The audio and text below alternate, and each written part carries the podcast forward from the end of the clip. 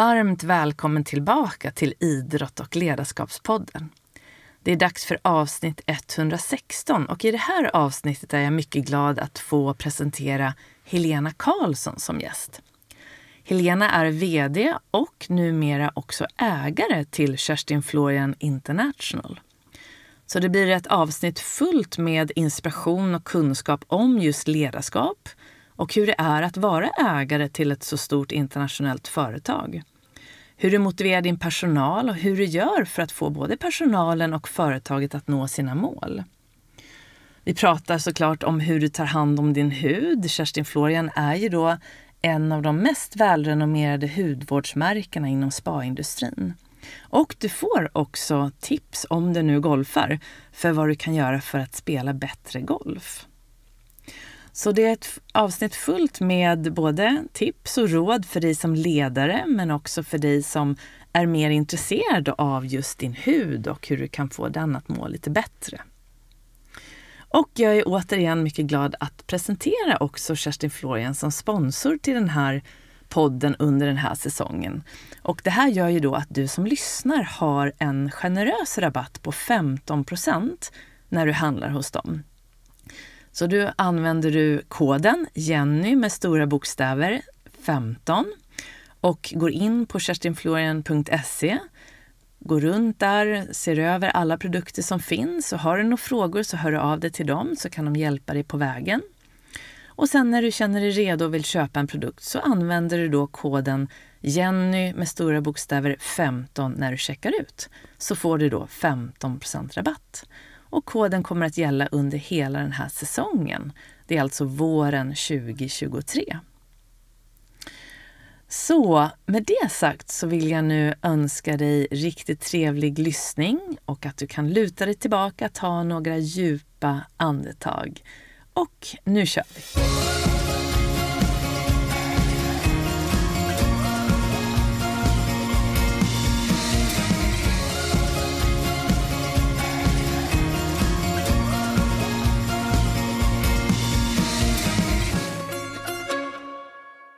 Varmt välkommen tillbaka till Idrott och ledarskapspodden. Det är dags för avsnitt 116 och idag är jag mycket glad att få presentera min nästa gäst för dig, nämligen Helena Karlsson. Helena är VD för KFI Spa Management AB och är nu också ägare och VD för Kerstin Florian International sedan några år tillbaka. Och Kerstin Florin är en av de mest kännetecknande och spainriktade hudvårdsmärkena på den globala marknaden och bygger på gedigen expertis i både naturliga ingredienser och naturens välgörande resurser. Verksamheten har ett starkt fokus på kunskapsutveckling och erbjuder spaterapeututbildning, affärsskola för spaverksamhet och är en mötesplats för återförsäljare och företag i spabranschen. Företaget har sedan länge haft tydliga mål inom hållbarhet och är ISO-certifierat inom både miljö och kvalitet.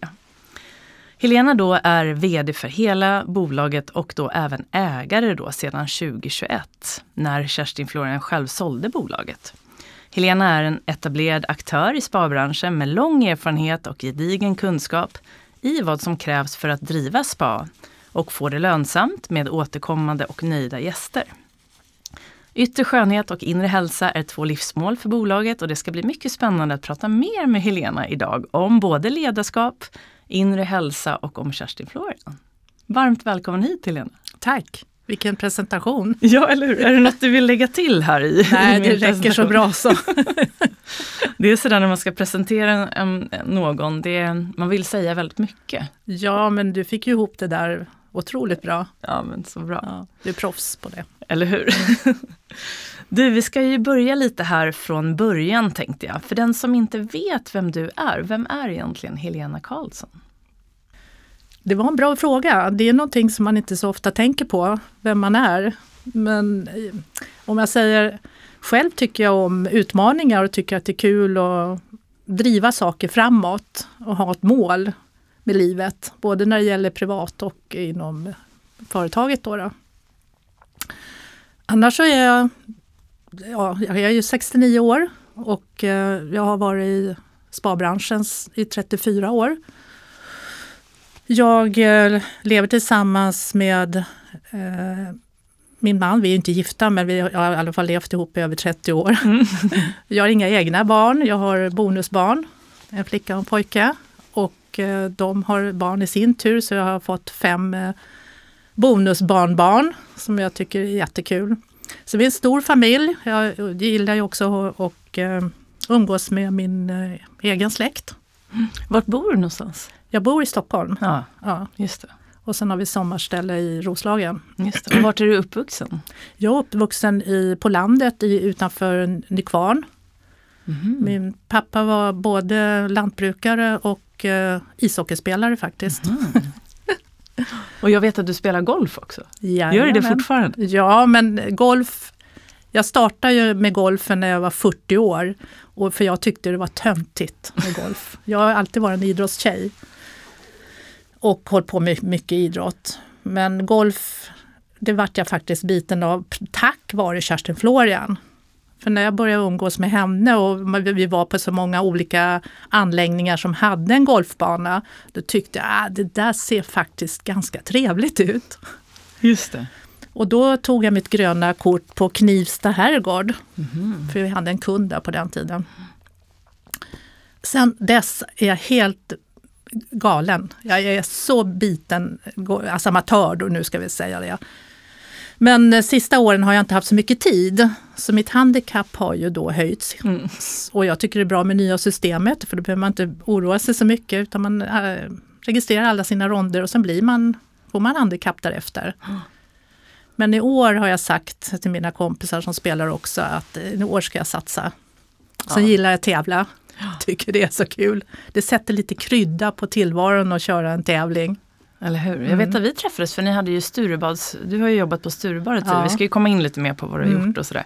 Men där träffades ju vi, eller hur? Mm. På Sturebadsgolfen bland annat. För jag mm. jobbade ju också på Sturebadet där en sväng. Men den hänger i. Visst gör den det? Ja, fast vi inte, vi har ju Sturebadet som kund numera. Men eh, vi tillsammans gör den här tävlingen. Och det har vi hållit på i många, många år. Ja, så kul. Ja, det är det. Det är ju verkligen ett sätt att komma samman i någonting som alla, alla har något gemensamt och så verkligen få tid att prata med varandra ja. under 18 hål. Jag brukar säga det, under fem timmar. Det är bra också att ta en golfrunda om man ska anställa någon som spelar, om de spelar golf. För du ser ju exakt vad det är för karaktär de ja. personlighet. Det är verkligen, det finns ju något speciellt just med golfarenan. Jag hörde häromdagen att det var någon som illustrerade det här med när man sätter press på en, du vet man har en apelsin som man klämmer ur, då får man apelsinjuice. Och om man är på golfbanan och sätter press på en golfare, det som kommer ut, det är liksom det som finns inuti människan. Och är det då, det är det man ser när man då ska, om man ska anställa någon, då får man ju se det som finns liksom under ytan så att säga. Det är väldigt svårt att dölja det på golfbanan för att man blir så utmanad när det gäller pressen på sig själv, eller hur? Är det någon som är alldeles för långsam och, och invecklad och, och, och, tar för mycket tid på sig, då tänker jag den där kommer jag aldrig kunna jobba med. Nej men eller hur, det är, ju, ja. ja. det är bra tips. Men du, vi ska, jag tänker hur ser en dag i ditt liv ut nu då? Om du tänker, idag är det ju mars, slutet på mars.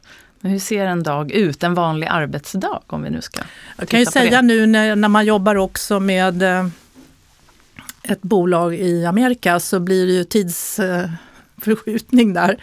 Så när man kommer hem då vaknar ju de.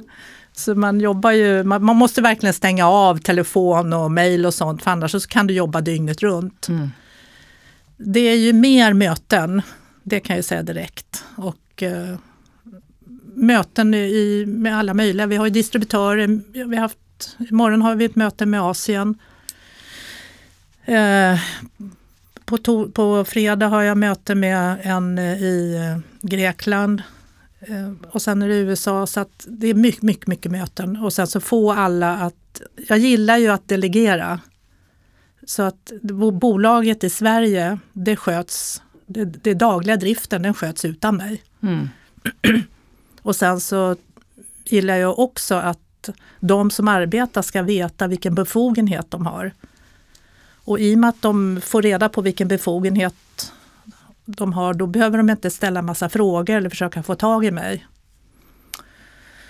Och, eh, och där märker man ju att de som eh, bolaget i USA, de har ju lite ett annat ledarskap. En hierarki och folk ska fråga 50 gånger innan de vågar fatta beslut. Men det, det, det blir bättre och bättre. Mm. Att de ska känna sig trygga och lita liksom på vad de gör och, och så. Så hur kom du in liksom i den här branschen från början om vi backar några steg? Ja, det var ju 1989. Jag hade ing, äh, spa fanns ju inte på den tiden. Det var ingen som visste vad ordet spa var. Och gick man och tog massage eller en ansiktsbehandling, då gick man ju till en skönhetssalong. Och jag jobbade då på Axelssons och eh, i sju år och där hade jag ju, jag jobbar ju inte som någon terapeut eller så utan mitt jobb var ju att se till att man hade lärare på olika kurser och ja, den administrativa delen i sju år. Och då var det en person som ehm, eh, visste vem jag var och då när Stureborg skulle öppna så vart jag, ringde de ifrån Sturebadet och ville ha möte med mig och jag trodde de ville ha ett annat möte med Axelssons men det var det inte utan de ville ha ett möte med mig. Och sen när de hade berättat om själva bygget där och vad det skulle bli. Då frågade jag, jaha och var kommer vi in i bilden någonstans? Och då sa de att vi vill gärna att du tar över behandlingsavdelningen här mm. på halvtid. Ja, men jag hade ju ett heltidsjobb så det var inte jag intresserad av. Men då hittade de andra jobb där så att jag fick en heltidstjänst och då tyckte jag att ja, men spännande, det här måste jag prova. Och då tackade jag ja till det jobbet och eh, det är det bästa jag gjort i livet kan jag säga. Mm. För att den här branschen, den är så rolig att vara i. Jag har fått sett för det första har jag träffat så mycket positiva människor. Det är sällan det är någon som klagar när de har varit på ett spa eller gjort något. Och eh, jag har fått sett fantastiska ställen som jag aldrig skulle ha åkt till annars. Och sen var med och utveckla det här med spa. Kerstin var ju först med det, för då träffade jag henne 1989. Och då sa hon eh, till eh, ägarna där på Sturebadet att de skulle kalla det för spa. Men det ville man inte för det var ingen som visste vad det var. Mm. Utan man sa hälsoklubb istället. Sen kom ju Selma Lagerlöf ett år senare och då kallade de det för spa. Mm, Men Sturebadet var först mm. och eh, jobbade med de här fyra hörnstenarna som man ska ha på ett spa. Det är fysisk träning, mental avkoppling eller yoga eller någon form av meditation. Bra mat och behandlingar för kropp och ansikte. Mm. Och det är där vi kommer in i bilden. Sen eh, har jag bara liksom gjort det jag ska.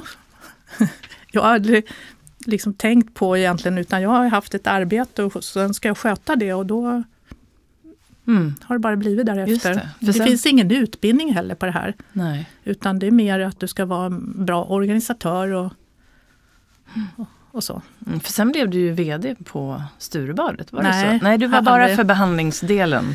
Och Nå, sen mm. ja, jag hade ju, när jag var som mest aktiv där, då ja. var det ju ehm, då var jag ju behandlingschef var jag i tio år och sen hade jag hand om konferens och turkiska badet och sen även restaurangen och reception. Mm.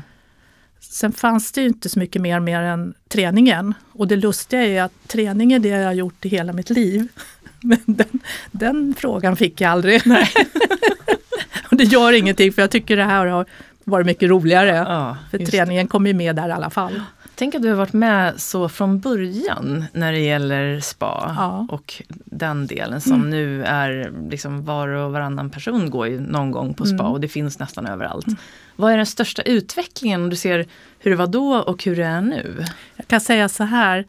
Sturebadet tog ju distributionen med Kerstin Florian 1994 och 97, om jag ska nu nämna några år, då fick jag jobba med det hel, på heltid så att säga. Men när jag var 94 då åkte runt till anläggningar som jag tänkte att det här passar bra om de skulle kunna utveckla till spa. Det var ju ingen som trodde på det här. De satt ju med armarna kors och tyckte att Nej, men det här gör vi redan. Eller de hade någon kurort eller så. Så det var ju många som, jag varit också intervjuad i en eh, konferenstidning och, och var det någon andra tidningar som trodde att det var en trend, det här med spa. Men jag sa att det är ingen trend, det är en affärsverksamhet. Mm. Vänta några år så kommer det vara spa i varje stad. Jag hade ju rätt. Mm. Men de trodde inte på det. Och än idag kan jag ha, höra liksom att folk är oroliga som ska bygga, och satsa flera miljoner. För det är väl det lite som är skillnaden idag. I början så var det ju mindre anläggningar. Idag så bygger du ju för ja, minst 50 miljoner om du ska bygga ett regelrätt spa. Mm. Och det är mycket pengar och, och folk är oroliga, satsa, ska det här gå? Men jag tycker själv att jag är väldigt bra på att känna att den här satsningen på just det här stället kommer att bli perfekt. Mm. Gud, spännande. Du vet, apropå golfanläggningar som vi var inne på förut så Hooks herrgård la ju ner väldigt många miljoner för Ja. att bygga om sitt spa. Och där är ju ni en av, det, där, det har ju ni för liksom alla produkter Det var med från början där. Ja exakt. De hade ju tagit in andra konsulter och så vidare men de fastnade för det som eh, jag samarbetar ju väldigt mycket med arkitekten Per Öberg Mm. och eh, om jag har ett koncept som jag vill, till exempel som Hooks då, då så, så sa jag så här ska ni göra. Då ritar jag han och gör. Är det Så att- sant? ja. Så du var med så Ja, från oh ja. början? Så att det var jag som häftigt. involverade Ja. Per på, till Hooks. Mm, just det. Och deras, eh, det de har gjort, det är just det här att man bokar tid. Mm. Det kan du få andra anläggningar också som har bokat din privata tid. Men skillnaden här det är att hela anläggningen är byggd på det. Utan när du ska åka till Hooks så finns det ingen meny förutom om du köper paket. Du bokar antingen en timme eller en och en halv timme ansikte eller kropp. För man måste ha rätt terapeut. Och när du kommer dit så kommer man till ett separat avdelning för det tycker jag också är skönt att man kommer eftersom man vill inte ha massa stoj och stim. Om du ska lägga då några tusen lappar bara av, av att njuta av den här behandlingen då vill du ju inte bli störd av ett, en annan miljö. Just det. Då börjar du med fotbad. För det kan du tänka på hemma också. Bara du sätter fötterna i ett fotbad så börjar du slappna av. Mm. Du behöver inte vara på ett spa för att liksom få den känslan. Utan ta en balja, alltså en skurbalja hemma, stoppa fötterna där med lite skum och lite härliga dofter. Och sen bara liksom lyssnar du på en bra musik eller vad du vill och bara slappnar av. Mm. Det blir så effektfullt. Det är verkligen så häftigt för jag tänkte det som, som jag tänker på mycket mer det är just det här hemmaspa. Att Mm. man med era, de, era produkter luktar ju väldigt gott också. Ja. Men just det här att, att ta hand om fötterna. Eftersom jag kommer från Mm. golfbranschen så har och har spelat massor golf, man går i sina skor flera, flera timmar. Så kommer jag ihåg att det var just fötterna som, som oftast behöver mest, liksom, mest behandling. Och just att bara, precis som du säger, göra det, ett fotboll. Och sen har ju ni den här fussbalm, heter det va? Mm. Som man då helst smörjer in innan man går ut. Men den gör ju under Mm. för fötterna. Och bara man liksom gör lite, ger lite kärlek till fötterna så ger det sån otroligt stor skillnad. Vad roligt att du nämner fotboll för det brukar jag säga till alla golfare som jag träffar. Jag brukar alltid ha någon kräm i, i golfbagen Ja. också. Innan jag går ut, speciellt på en tävling, då smörjer jag in rygg och axlar upp i nacken. Aha. För att jag vill ha den här cirkulationen och så att jag kommer igång så att jag blir mjuk och smidig. Och självklart fötterna. Ja. Det är ett bra tips. ja, så man kan ha den även på andra delar Ja, av kroppen? ja, hela Gud alla. bra. svullnade vader var, var det en. Det är så roligt, i, för några avsnitt sen så hade jag Arne Hamberg här som är en känd zonterapeut. Mm. Då pratade vi ett helt avsnitt om fötter. Ja. Så nu får vi lägga till det här Ja. med att smörja in dem med den här härliga krämen också. Men zonterapi det har jag varit med om också så det är en väldigt trevlig behandlingsform. ja visst är det. Ja, och, att föt- effektfull. ja, och att fötterna har sådana otroligt Mm. Sens, alltså det är sådana kopplingar till alla organ Ja. och till hela vårt välmående i princip. Och du har ju zoner samma i händerna eller öronen och runt. Så att, Mm. Och det, vi jobbar ju väldigt mycket med det när vi gör behandlingar. kan man koppla in några grepp eller så, så eller Mm, punkter som man jobbar med. Ja just det. Men Så- att återkomma då bara, jag vill bara Mm. avsluta där med Hooks och Ja just det. fotbadet. Ja. Då när du sitter i fotbad då kommer en terapeut och frågar, du har bokat en eh, timmes eh, fot, eh, kroppsbehandling. Är det något speciellt du känner att du vill ha hjälp med? Och då kanske du säger, jag har varit ute och spelat golf, jag är helt slut upp i axlarna. Mm. Och då ger de dig ett tips, en rekommendation. De kanske säger så här, ja, men då ska vi göra så att vi värmer upp, vi har en svart lera som vi använder och den kan vi värma upp till 54 grader utan att man bränner sig. Som gör att cirkulationen ökar och i och med att vi får igång den då kan jag också massera mycket djupare in i muskulaturen. Och så säger hon, ger hon dig ett förslag och du bara säger, ja men gud det där tar jag. Mm. Annars är det väldigt vanligt att alla tar massage. Mm, just det. 65 procent av alla behandlingar som görs i hela världen är massage. Mm. Och terapeuterna tycker att det är jobbigt att stå och massera hela dagarna. Men kan man då få det här med att de bokar tiden och terapeuten själv styr Mm, och ger den rekommendationen som kunden verkligen vill ha just då. Då tycker kunden att det där är helt fantastiskt. Så det blir skräddarsytt kan man Ja, säga? Så- exakt. Med det, ja. Även om de har, som jobbar, de har ju utbildning i alla olika terapiformer från oss. Mm, Men de väljer själv om de, hur de kan vinkla det här. mm. Det där låter ju bättre för att oftast, jag tror att man kanske väljer massage för att man inte vet vad de andra behandlingarna betyder. Precis så är det. Mm. Det och, och fotvård och kanske nå- någon ansiktsbehandling. Men annars vågar man sig inte på någon annan behandling med krångliga namn som man inte fattar. Man orkar inte läsa en meny på Nej, 10-20 sidor, det har man inte tid med. precis. Det är så skönt när någon kommer och bestämmer, någon som man vet också kan. Ja. Vad är du mest stolt över hittills när det gäller just din Kerstin Florén och din liksom resa där? Nej, men jag är stolt över att få vara med från början. Och att jag har trott på konceptet. Mm. Jag har aldrig vikit en tum. Och än idag tror jag på det. För ett tag, om du går tillbaka 10-20 år sedan, då var det ju väldigt mycket det här att man skulle hänga i snören, höll jag på att säga, men en rep och kasta sig.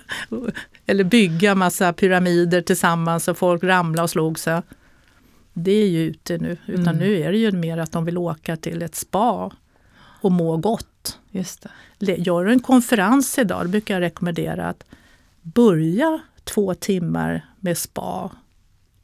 När de sen kommer in i konferensrummet, då kommer du, de kommer älska dig Mm. för att, som föreläsare eller som arrangerat det här. För att du lät dem göra den här fantastiska upplevelsen. Så, ja, det är ju verkligen, och då kommer alla vara i ett helt annat Ja, tillstånd. de är glada, de sitter ju där och lyser. Mm, och mottagliga och mer öppna och Ja. man mer kreativa. För jag gör, har gjort det själv när jag varit ute med min personal. Mm. då har, de, då har jag testat det här att de får det då på morgonen. Och man ser ju när de kommer in eller ögonen lyser hur glada de är, Mm. tacksamma. Jag tänkte precis komma in på det apropå ditt ledarskap. Och eh, den här podden heter ju Idrott och ledarskapspodden. Och du är ju verkligen en ledare och, och det är ju så spännande med din resa. Du var ju liksom inte ledare från början så har du blivit det. Och som du sa, du gjorde ditt jobb och så blir det liksom så går det sin egen väg nästan. Men nu när du har varit ledare så pass länge, hur, hur skulle du definiera en bra ledare? Apropå ledarskap som stort. Jag kan också säga så här, jag har aldrig sökt att, eh, något jobb för att bli VD eller så, utan allting har blivit automatiskt. För Just folk det. har trott på mig. Mm. Så är, Mm. enkelt har det varit. Mm.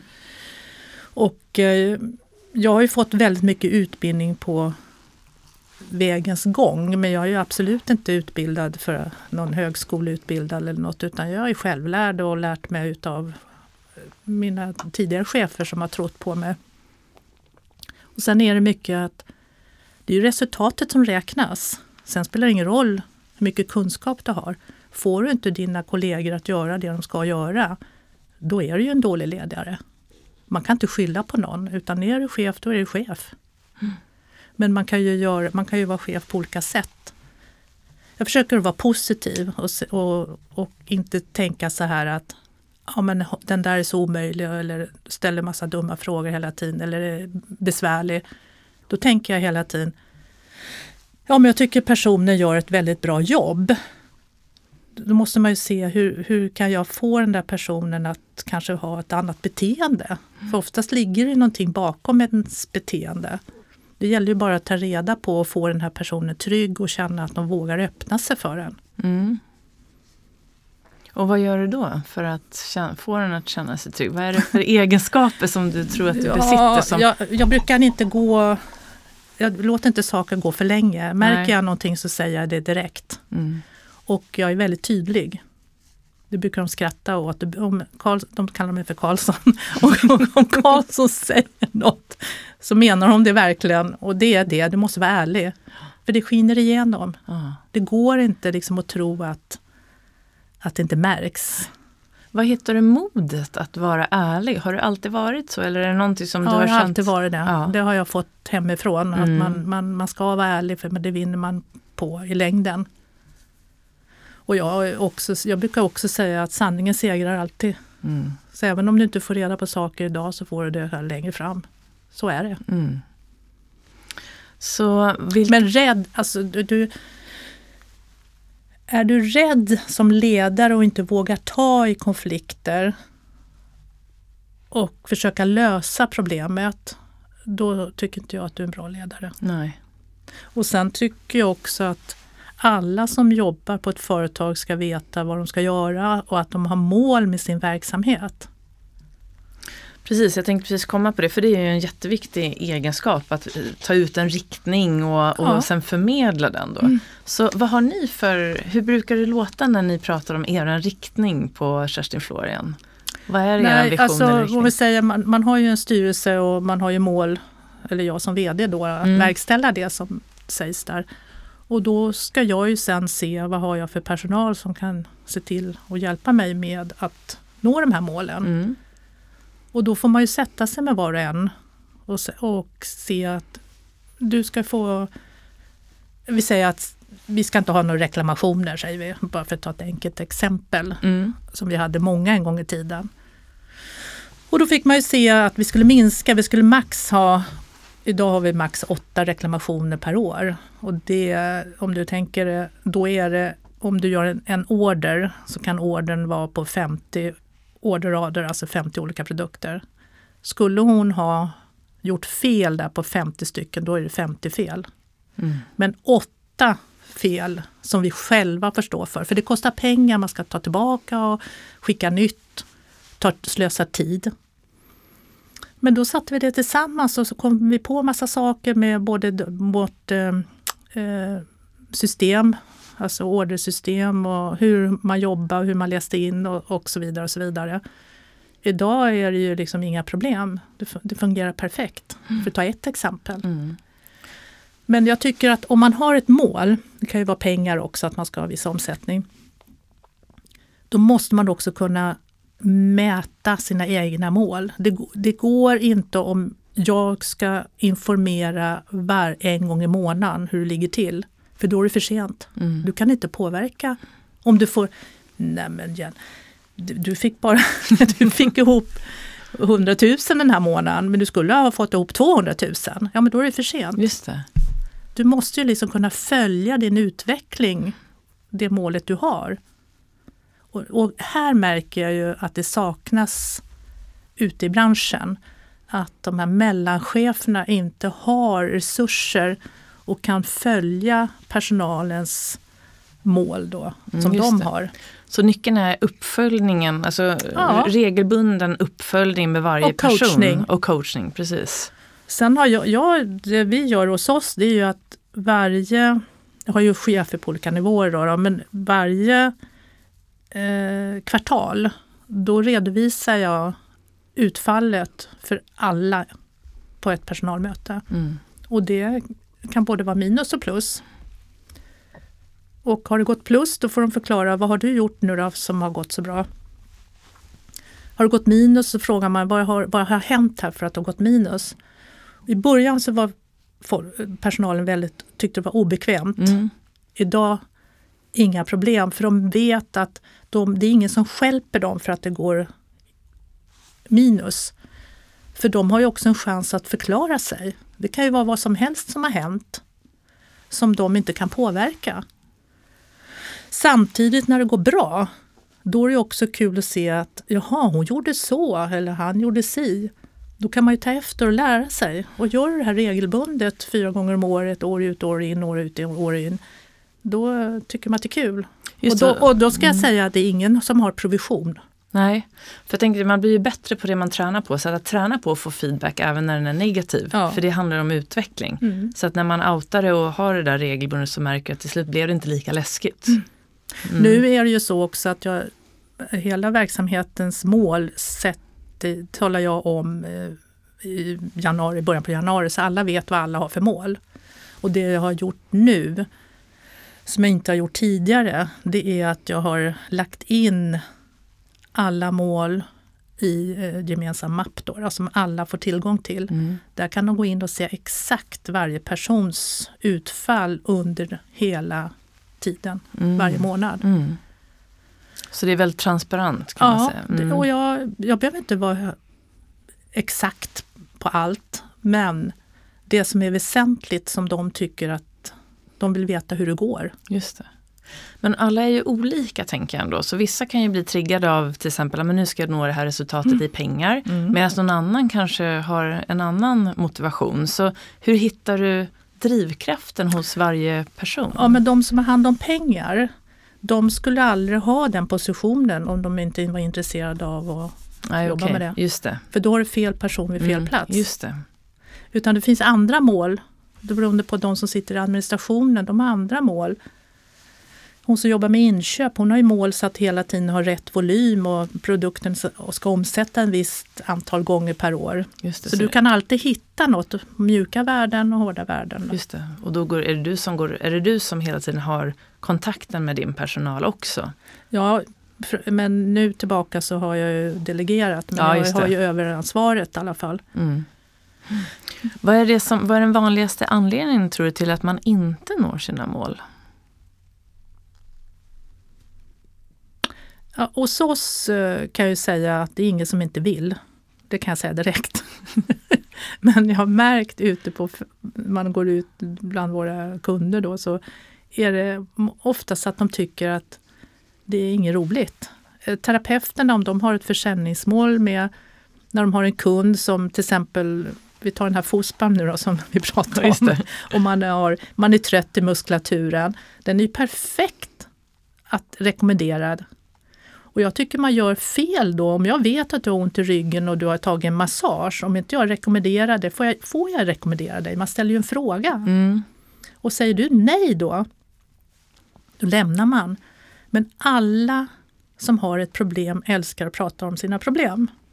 Det vet du som Mm, jobbar med. Precis. Och då har du öppnare för mig att tala om att du har problem med dina axlar och ont och trött där. Ja, men får jag rekommendera dig några saker Mm. då, för dina trötta axlar? Då säger ju inte du nej. Då rekommenderar jag dig någonting och då säger du, vad bra, då köper du det. Men det här tycker många är obekvämt. De vill inte rekommendera. Mm. De är inte där för att sälja, säger Nej. de. Nej precis, det där kan jag tän- tänka mig att det är vanligt då när man inte är en säljare. Man tycker ju inte att man är en säljare så att säga, utan man är ju terapeut då. Men att det hänger ju så väl ihop. Ja, jag brukar kunskapen. säga jag brukar inte använda ordet sälja egentligen utan jag säger hur kan jag hjälpa? Ja just det, precis. Ja, eller rekommendera. Mm. Och, må- och tänker du så, för det handlar ju också om vad du tänker här uppe i hjärnan, precis som du står där, varför hamnar bollen alltid i vatten? Eller Ja, precis. Eller hur? Ja. Och inte på green. Nej, för du har ju blockerat hjärnan där. Ja, exakt. Det är samma här. Ja. Och då behöver du folk som tror på dig och coachar dig och så att de tycker att det är roligt. Mm.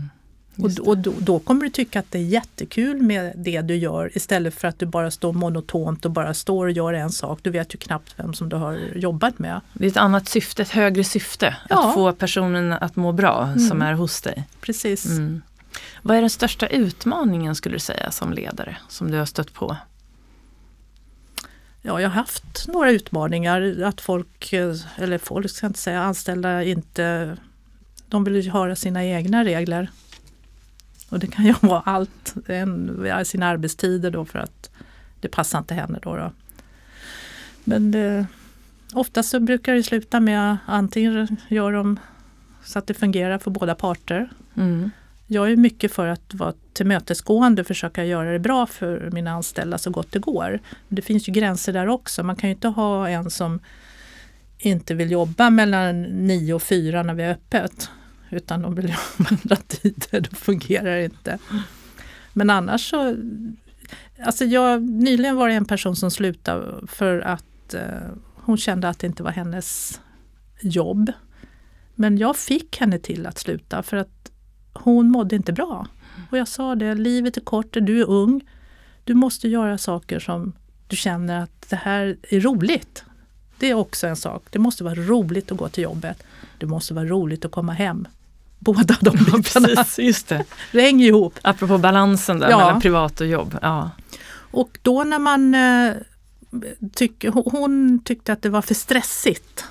Det var deadlines. Hon, och då gick hon och, och, och pratade om det där med någon expert och det visade sig att hon bytte bransch helt enkelt. Mm. Hon ville inte jobba med just det som hon var utbildad till. Det är ju en fantastisk styrka hos dig som ledare att kunna se och coacha åt det hållet också. Ja. Inte vara envis med att den här personen ska minsann bli bättre här utan Mm. det kan ju vara någon annanstans. Ja, Mm. men att man vågar också ta i det. Mm, precis, att vara ärlig och Ja. kunna säga en sån sak. För det tror jag många ledare, just det här att ge den här raka, ärliga feedbacken Mm. som du har kanske naturligt då från grunden på grund av din uppväxt. Ibland har man ju inte det där naturligt och då Mm. blir det svårare. Men det är också någonting man kan träna upp, Ja, så att säga. Även om det nog är lite svårare då. Mm. Men det är klart att är du ung och du har inte kanske ditt första eller andra jobb. Du, du skäms, du är liksom nervös och tycker att du inte vill säga då att det här kanske inte är min sak. Men eh, i ett utvecklingssamtal så frågar jag ju också hur de ser, hur det fungerar och vad de, vad de tycker är jobbigt och hur de ser sig själv om tre år. Och, sen märker jag ju att det här är en person som inte mår bra. Då får man ju börja gräva lite i det. Mm, just det. Ibland kan det ju bli ensamt på toppen när man är vd och ju högre chef man blir. Mm. Har du haft någon, hur har du löst det så att säga? Har du haft någon mentor eller? Jag har haft mentor, Mm. det har jag fortfarande. Men jag kan säga så här också, som jag har lärt mig under åren, det är att du blir aldrig kompis med dina anställda. Du kan vara vän, men du ska förstå att det du säger kan du aldrig vara säker på att det stannar där. Just Utan det. det. jag säger, det vet jag att det spelar ingen roll om de säger det utåt eller inte. Mm. Och det är viktigt att ha, kunna ha någon annan då att prata Ja, med, som till exempel absolut. att du har den här mentorn. Ja. Ehm, Jo men det har jag ju Mm. och Mm. och styrelse och så. Sen har jag en ledningsgrupp men man, man måste veta vem är det jag... Och där märker jag också många är ju kompis med sina anställda, de är ute och festar och allt vad de nu gör. Men det, det, det kan ofta slå tillbaka. Nej, det, är, det är nog en erfarenhet som jag tror många har. Mm. Eh, förr eller senare förstår man nog det. Ja. Men jag tänker, vi, apropå motgångar och framgångar så har ju ni en otrolig fin framgångshistoria. Men jag tänker, vi har ju haft en pandemi här. Och det var ju en motgång, Ja. kan man, väl, man kan väl se det på olika sätt. Men på något sätt, det var ju en väldigt stort eh, en stor motgång under en lång period för all, många branscher. Hur klarade ni er igenom den perioden? Och det var ju precis då vi hade förvärvat Kerstin Florian International. Ja, ah, just det, det var 2021. och det var ju pandemin började ju där 20. Mm. Vi korttidspermitterade. All personal var med på det. Så att alla tyckte det var, alla ställde upp. All, all, hela styrkan. Så mycket det gick. Och eh, vi eh, sadlade om. Vi hade börjat med en studio men vi gjorde den ännu mer avancerad. Så att vi kunde ha både möten och utbildningar via nätet. För att många som hade lockdown eller så, då kunde ju de utbilda personalen under tiden. Så det fick man ju möjlighet till. Så då passade de ju på att ha kurser. Och sen var det nätet. Mm. Jag kan säga att näthandeln hade vi inte haft nätet. Då hade, då hade vi gått i konkurs. Så enkelt är det. Ökade den märkte ni under den Ja, här för det, perioden? det gick Ja. ju inte att köpa någonstans. Nej, precis.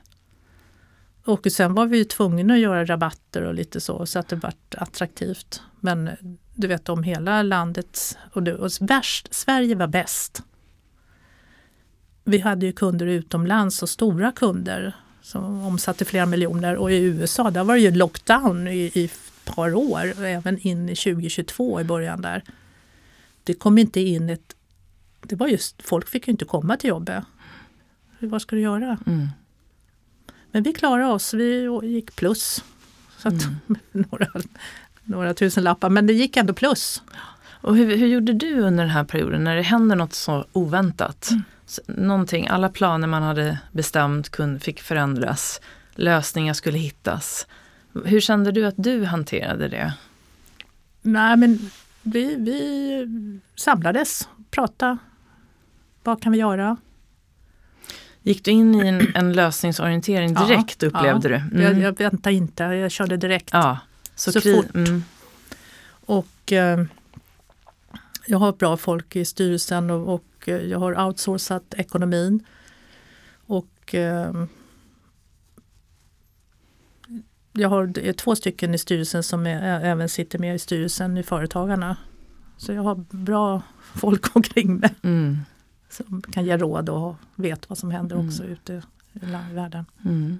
Har du själv varit med om någon, så här, när du har tvivlat på så här, ditt eget ledarskap? Eller har det alltid varit så att du ser lösningar även för din egen, i din egen roll? Nej, man kan ju säga nu när man, det blir så stort på en gång. Jag har liksom inte fattat riktigt hur stort det är och då kan det vara så att när man kommer hem på kvällen och man lägger sig att man börjar tänka på pengar, likviditeten. Alltså det gäller ju att du har pengar på banken. Just det. För det som, vi, som är nu är ju att du tog ju över ägandeskapet av Kerstin Florian. Kan Ja. du inte berätta hur det gick till? Ja, Kerstin är ju då och tyvärr, för nu är det över fem år sedan som hon miste sin, både sin man och sin dotter. Och eh, hon helt plötsligt så efter många turer hit och dit så frågade hon mig om inte jag ville ta över verksamheten. Och och jag tänkte nej, det här kan inte stämma. Hon har ju barnbarn också men jag, de är inte så gamla. Men jag sa att ja, men menar du verkligen det här? Ja, det gör jag. Och ja, men dina barnbarn då? Nej, men de är unga och de kan inte det här branschen och det. Och, och sen så tänkte jag, men gud, det här, då sa jag, det här kommer jag aldrig ha råd med. Jo, men det, det kan vi lösa, sa hon då. då. Och sen så började jag nysta i det där och, ja, ja, med folk som jag känner. Och, och eh, det som var så fantastiskt det var att jag hade så många omkring mig som trodde på det här. Och trodde på mig också för den delen. Och personalen fick också möjlighet att gå in. Men till slut så fick jag ihop med banklån och investerare och eget kapital. Så då första september 2021 då tog vi över. och det var Alltså det var en nytändning för hela styrkan. Alltså vi, vi bara tyckte att det här är helt fantastiskt. Vi kan inte klaga på någonting nu med tillverkning eller varför gör du inte så eller si för nu är det vi som bestämmer. Ja, det är fantastiskt. Och det, och det var, alla tycker det var så kul att, få vara med nu på resan. Mm. Och även de som var på företaget i USA, de tyckte att det var en bra lösning eh, eftersom de har känt mig så många år. Istället för att det kommer in ett annat företag som tar över och de kanske får sluta. Utan vi driver ju, det var ju också viktigt för Kerstin att veta vad ville jag med företaget. Just det. Och jag vill driva sparverksamheten framåt. Det är inte liksom att jag vill gå ut i detaljhandeln och försöka tjäna så mycket pengar som möjligt. Utan jag tror på det här, det här välbefinnandet och det är, det är liksom roligt det du gör. Du träffar positiva människor och hela det här konceptet spa istället för att du levererar eh, massa produkter till eh, stora varuhus. Då är det liksom bara en kräm i en burk. Det här är en livsstil. Mm. Det är det som är skillnaden. Det är det som är så häftigt med och jag Mm. gillar ju eran, eh, alltså dels, vi, produkterna är på något sätt en del utav någonting mycket, mycket större. Mm. Och därav det här med att yttre skönhet kommer från en inre hälsa.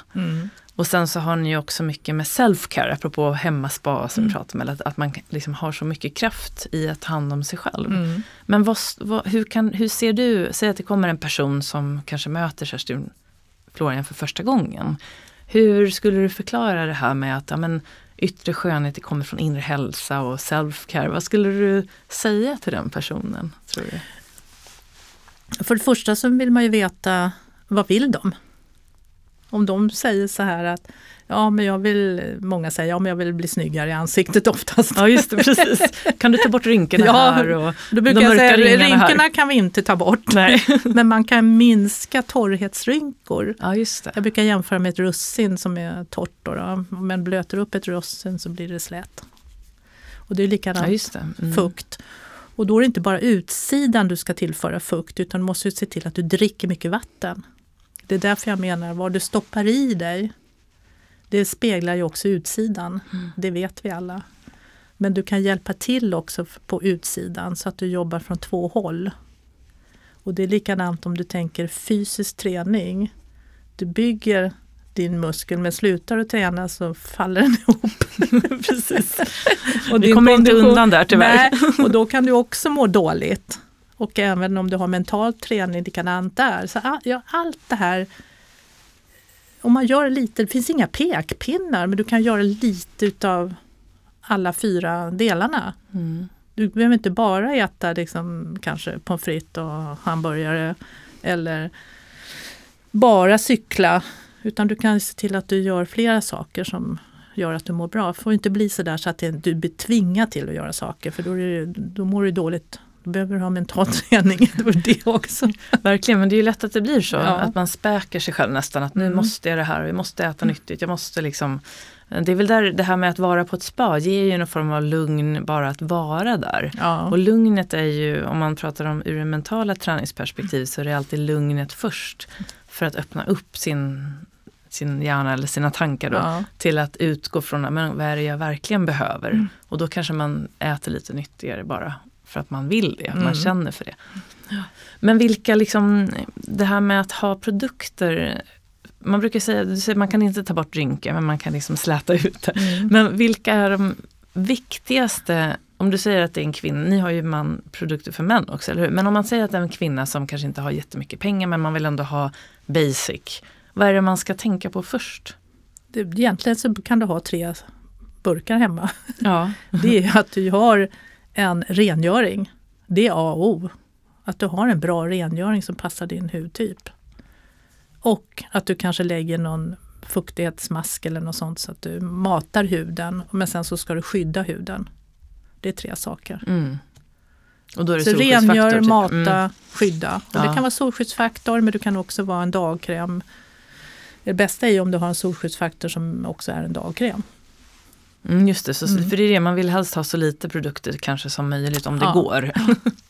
Jag är sån. jag är också sån. Alltså, det får inte vara för omständigt och komplicerat. Och det som jag brukar säga när man ska rekommendera, du kan inte rekommendera tio produkter. Utan börja med ett max tre. Mm. Det räcker. Mm.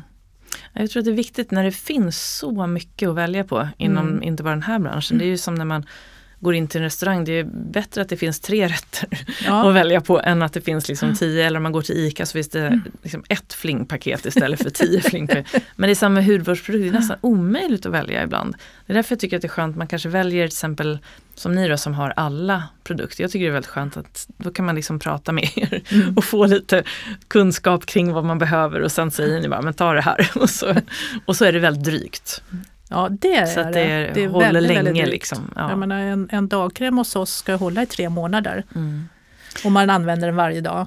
Mm. Många tar ju alldeles för mycket. De tar det i handen och sen så gnider de händerna mot varandra och sen kommer det mesta i händerna. Mm. Precis, man tror ibland att man ska, ju mer kräm man tar desto bättre är det för ansiktet för det känns som att man liksom får in det. Mm. Men det, så ska det inte behövas om det är en bra produkt, Nej, eller hur? Exakt. Och solskyddsfaktor, ska man ha det året runt skulle du säga, ja. även här i Sverige? Mm. Ja, många har ju det. Mm. Mm. Jag, om jag ska vara ärlig nu då. Ja, absolut. Så har jag det när solen skiner. Det gör den ju inte så ofta. Nej. Men eh, i alla fall från, och reser man utomlands självklart och även när solen kommer stark i april till och med kanske augusti, september, då är det ett måste. Mm. Och golfbanan är ett måste. Ja, verkligen. För du vet, du går där fem timmar så har du glömt bort Du kommer ju hem alldeles sönderbränd Mm. och det är inte så roligt. Nej, det är så viktigt, Ja. verkligen. Det glömde jag. Jag bodde ju i Florida flera år Mm. och då var jag ju ganska ung. Och då var det ju inte, även om jag hade det tror jag, men det var ju inte lika noga som det är nu för tiden. Så att, eh, får vi hoppas att huden håller. Men ja, Vi har tagit fram något, vi- vi gillar ju att jobba, samarbeta med anläggningar som har golf. Då, då. mm. Vi har tagit fram någonting som heter res- eh, golf, golf Rescue Kit. Mhm. Och det är eh, ett solskydd, Mm. SPF 30. Och det är fosspalm som man smörjer in sig. Och sen är det ett Nerolevatten. Mm. Och då är det ju att, att både fosspalm och eh, solskyddet använder du ju innan och solskyddet under tiden också. Men sen när du kommer hem efter banan så kanske du känner att du vill fräscha till, du kanske ska upp på prisbordet och så. Då tar du Ner- Nerolevatten och sprayar i ansiktet. Ja, det är helt perfekt och den luktar fantastiskt. Och jag får tillägga där någonting som jag faktiskt har använt under både när jag var proffs men också sen när jag var tränare som jag faktiskt brukar rekommendera mina elever, både golfelever men också i min mentala träningscoaching. Det är eran calm mind. Så att när man spelar golf eller andra inför föreläsningar och sådär så brukar jag alltid ta liten dutt av det här. Det är ju lavendel då som gör att man känner sig lugn. Och då blir det ju, dels så är det ju en lugnande effekt i sig, lavendel. Men sen blir det ju placebo och det blir en psykologisk effekt. Att jag vet att när jag känner lukten från Calm Mind, då blir jag liksom lugn. Och spelar bättre golf, jag kan hålla bättre i 18 hål. Och det känns, med den där lukten så är det som att, att tävla blev inte lika jag kunde ju ibland tycka att man blir nervös, man känner krav och sådär men så tog man upp den där lilla blåa flaskan. det blev som en liten snuttefilt. Och det är faktiskt ett väldigt bra tips för apropå mental träning. Att använda sådana liksom, hjälpmedel också. Inte bara att man ska tänka rätt och sådär utan det är också viktigt men det här hjälper till på ett mycket enklare sätt. Så den har varit eh, verkligen guld. Jag skrev ju till och med om den i min bok. Den är, innehåller 15 milliliter och man, kan, man droppar ut dropparna om man behöver en eller två droppar. Och det Mm. Om man droppar ut den där, för det har jag gjort, då får du ut 500 droppar. Ja det är otroligt. Ja. Är det så många? Mm. Det räcker ju väldigt länge. Men ofta som du tänker att det står liksom och skakar sådär, då kanske du får 10-15. Det ska du inte göra utan ta ett, två droppar, det räcker. Och ett annat tips som jag brukar göra när vi har personalmöten, då ställer jag ut några sådana runt, nu vet ju alla vad de ska göra. Då tar de några droppar i händerna och sen så eh, vad säger man? Gnuggar dem. gnuggar händerna mot varand och sen inhalerar du den här doften genom näsan och sen ut genom mun och, och smörjer tinningarna lite. Och sen gör du det där tre, fyra gånger. För då kommer du ner i varv, både du själv Mm. och de som sitter och ska lyssna. Ja. Och det är också bra när det gäller konferenser överhuvudtaget. Det, det aktiverar det här lugnande systemet. Det är ju fantastiskt. Ja. Alla sådana hjälpmedel betyder så mycket mer än man kan tro för just vår förmåga att prestera, vår förmåga att prestera utifrån ett lugn. För det är då vi, Yoga, just det, ja. där är många som har yoga. Jag vet Mm. inte, du kör ju det också Ja, va? precis. Jag har den där också. Och, då, och sen när man har slutat yogapasset så brukar de köra Nerolevattnet. Ah. Och då ska du liksom pigna till. Just det, att man går och sprayar på. Ja. Ja, det är ju bra. Mm. Du, apropå mental styrka, vad skulle du säga gör dig mentalt stark? Ja, jag vet ju att, eh, att man gör någonting fysiskt träning. Och att det är A och O om jag ska vara riktigt ärlig, att man håller sig trim. För så fort man, så här på vintern tycker jag eh, då är det svårt att hålla sig igång. Men man, man, man blir glad när man har gjort något. Och jag, nu är jag ju golffanatiker men jag försöker också nu i de här årstiderna att gå Mm. ta långa promenader och det gör vi också på lunchen. Då kan vi gå med någon kollega och då pratar vi med varandra. Vi vi kan avverka rätt mycket på den där 50 minuterna om vi tar vår lång promenad då. Det är som att sitta och ha ett möte. Och det är inte så dumt och det roliga är ju att personalen själv har sagt det. Åh, det är så bra när man går ut med det, då hinner jag avverka en massa frågor. Så smart. Ja, Och då blir det ju också, det blir bra hjärngymnastik, man, man rör sig höger, vänster, alltså koordinerat. ja. Så man blir oftast mer kreativ. Mm. Jättebra. Och vad gör du själv för din egen återhämtning och för att fylla på energin? Nu när du har också mer ansvar skulle man kunna säga, Mm. större bolag, ägare och det kan ju komma lite stress på det kanske. Men hur gör du för att fylla på då din energi och ta Alltså, hand om din återhämtning? Jag kan säga att för det första så måste jag vara ännu mer noga med att planera min vecka som kommer. Så på fredagen innan jag går hem, då har jag, tittar jag liksom, vad är det som ska, eller kanske jag gör lite innan fredagen också, men jag måste se vad är det som händer nästa vecka. Och då planerar jag för det. Jag behöver inte allt klart med, och sen skriva upp en almanacka vad som inte är klart. Men jag är ganska, eller väldigt påläst vad som händer nästa vecka. Och eh, då känner jag mig trygg. Mm. Då kan jag stänga kontoret på fredagen och komma tillbaka på måndagen. Då är det min återhämtning. Så jag, nu för tiden är det sällan jag jobbar på helgerna, även om jag är anträffbar på helgen. Det där är nog, planering ger ju lugn. Ja, Det är oftast det som är det svåra att sätta sig och planera, men när man väl har gjort det Mm. så är det som en utandning. ja. Så kan du släppa taget. För det är också så mycket som händer så man blir ju händelsestyrd under veckan som går. För det dro- droppar in massa saker. Mm. Men det gör ingenting då om du vet att du har planerat alla andra saker som du måste göra. Men, och det här har jag ju sett i många böcker man har läst att det är A och O att man har att man planerar sin verksamhet. Mm. Jättebra. Och ehm, om man tänker om du ser på Kerstin Florian framåt i framtiden, Mm. vad ser du framför dig då? Kerstin Florian International ska jag säga. Mm. Jag vill ju att det ska fortsätta att utvecklas inom spabranschen. Jag menar, nu har man ju hela världen att jobba med så att det finns ju outtömligt. Det är inte det att jag tycker att man vill jobba med partners som, som vill samarbeta med en. Det är det som jag tycker är, är kul så att vi, vi gillar att utvecklas tillsammans. Mm. Inte att man ser oss bara som en leverantör som levererar 20 stycken krämer. Utan hur kan vi växa ihop? Ni kommer in med er fantastiska kunskap och så gör ni det tillsammans. deras kunskap. Precis. Och de som man gör det med, det, det blir fantastiska resultat. Och hur många span tror ni att ni kan ha? Hur många har ni idag i världen? Vet du det? Ja, det vet jag, men jag vet inte om jag vill säga det. Men vi, Nej, har, okej. vi har många. Många. Ja. Och de, är det att ni vill ha fler eller att Ja. utveckla också? De ni har men också ha fler? Ja. I Sverige Mm. har vi ju många för att vi har ju i, i, ute i, utanför Sveriges gränser, eller Nordens gränser, så jobbar vi med fyra och femstjärniga anläggningar. Mm. Det kan vi inte göra inom Norden för det finns ju knappt några. I Sverige finns det väl ett femstjärnigt ställe. Så då jobbar man på lite annorlunda sätt. Mm. Men eh, jag själv, jag kommer ha sagt, lovat eh, banker och styrelser att jag ska jobba fem år. Nu har det ju gått ett och ett halvt. Sen lämnar jag över. Mm. VD-rollen tänker du? Ägar, kanske ägarskapet också. Också, Jag får se okej. vad, jag, har- jag har en, en, eh, en plan. Mm, just det. Och den planen, man kan göra på olika sätt. Men eh, Mm. om jag kan lämna, men jag vill helst kunna lämna. Sen kan man ju sitta i styrelsen och så, men jag vill kunna lämna över till dem jag känner jag litar på, som Ja, kan förstår. föra det vidare. Du är en otrolig inspirationskälla, verkligen Helena. Både som, som ledare och också som kvinna tänker jag. Att allt är möjligt får man en känsla av. Och att också behålla det här positiva sinnet, glädjen Mm. och kunskapen och göra allt väldigt proffsigt. Tack. Verkligen.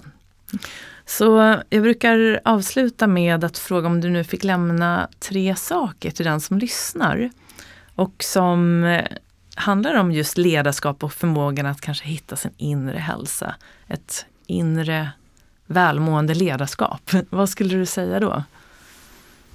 Jag använder ett ord väldigt ofta just nu omkring mig och det är ordet järv. Mhm. Våga vara järv. Och jag tog upp det här med min personal också, att våga vara, det är inte att vara dumdristig utan försök att göra saker som du inte normalt gör för att det ska bli bättre. Både för dig privat och kanske för den verksamheten du håller på med. Och vågar du det så kommer du se både privat och inom företaget du jobbar på att det öppnas nya vägar. Du kommer att känna dig så lycklig För att du vågar vara järv. Mm. Vilket vackert ord, det var länge sedan jag hörde det.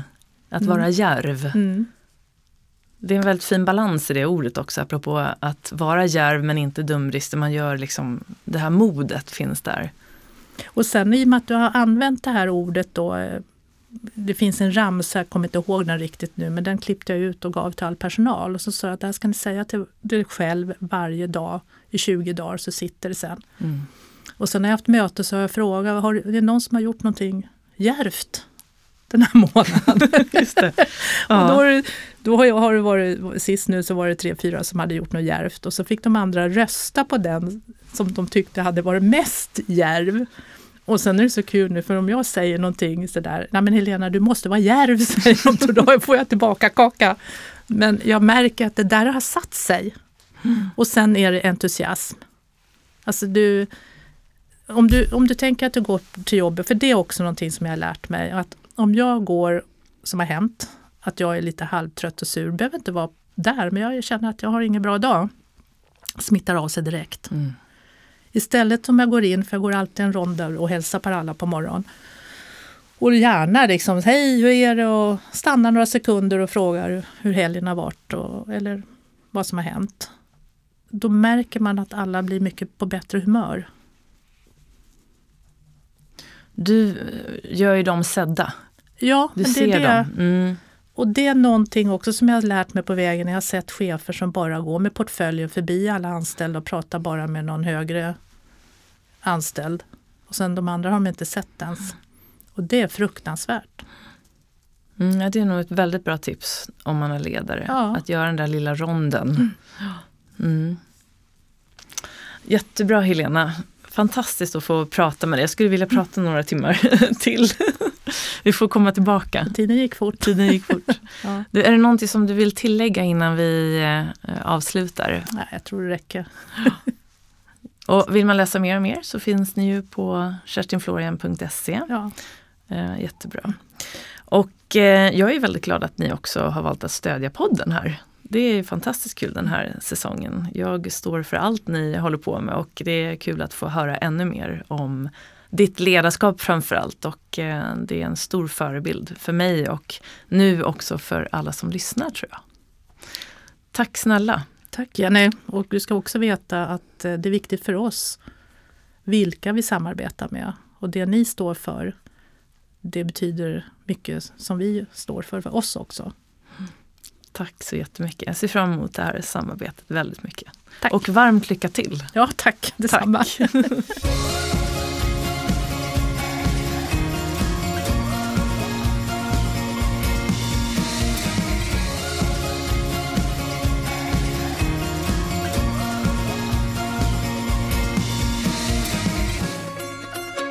Då har du fått lyssna till mitt samtal med Helena Karlsson och jag hoppas att du har fått med dig en hel del kunskap och inspiration som du kan ta med dig in i din egen vardag. Och glöm nu inte att gå in på kerstinfluoren.se. De är sponsor till den här podden den här säsongen och det gör att du som lyssnar får 15% rabatt när du handlar hos dem. Och det gäller alla linjer som finns på kerstinflorian.se. Min favorit är ju som jag har nämnt tidigare Calm Mind. Men nu har jag också använt en produkt ifrån serien som heter Anda. Och den är helt fantastisk och min hud mår väldigt, väldigt bra. Så du kan gärna gå in och kika lite mer om vad den serien handlar om. Och när du då känner dig redo och vill köpa en produkt så använder du koden Jenny med stora bokstäver 15 och eh, när du checkar ut så får du 15% rabatt. Och har du några frågor så går du in på kerstinflorian.se och hör av dig till några av de trevliga och kunniga personer som jobbar där så kommer de hjälpa dig att hitta rätt. Och nu önskar jag dig en fortsatt trevlig dag eller kväll. Och vill du veta mer om vad som händer i min egen verksamhet så går du in på www.jennyhagman.com eller så följer du mig på Instagram på snabela Jenny Hagman. Och eh, nu hoppas jag också att vi ses här snart igen. Tills dess, ta hand om dig. Hej då!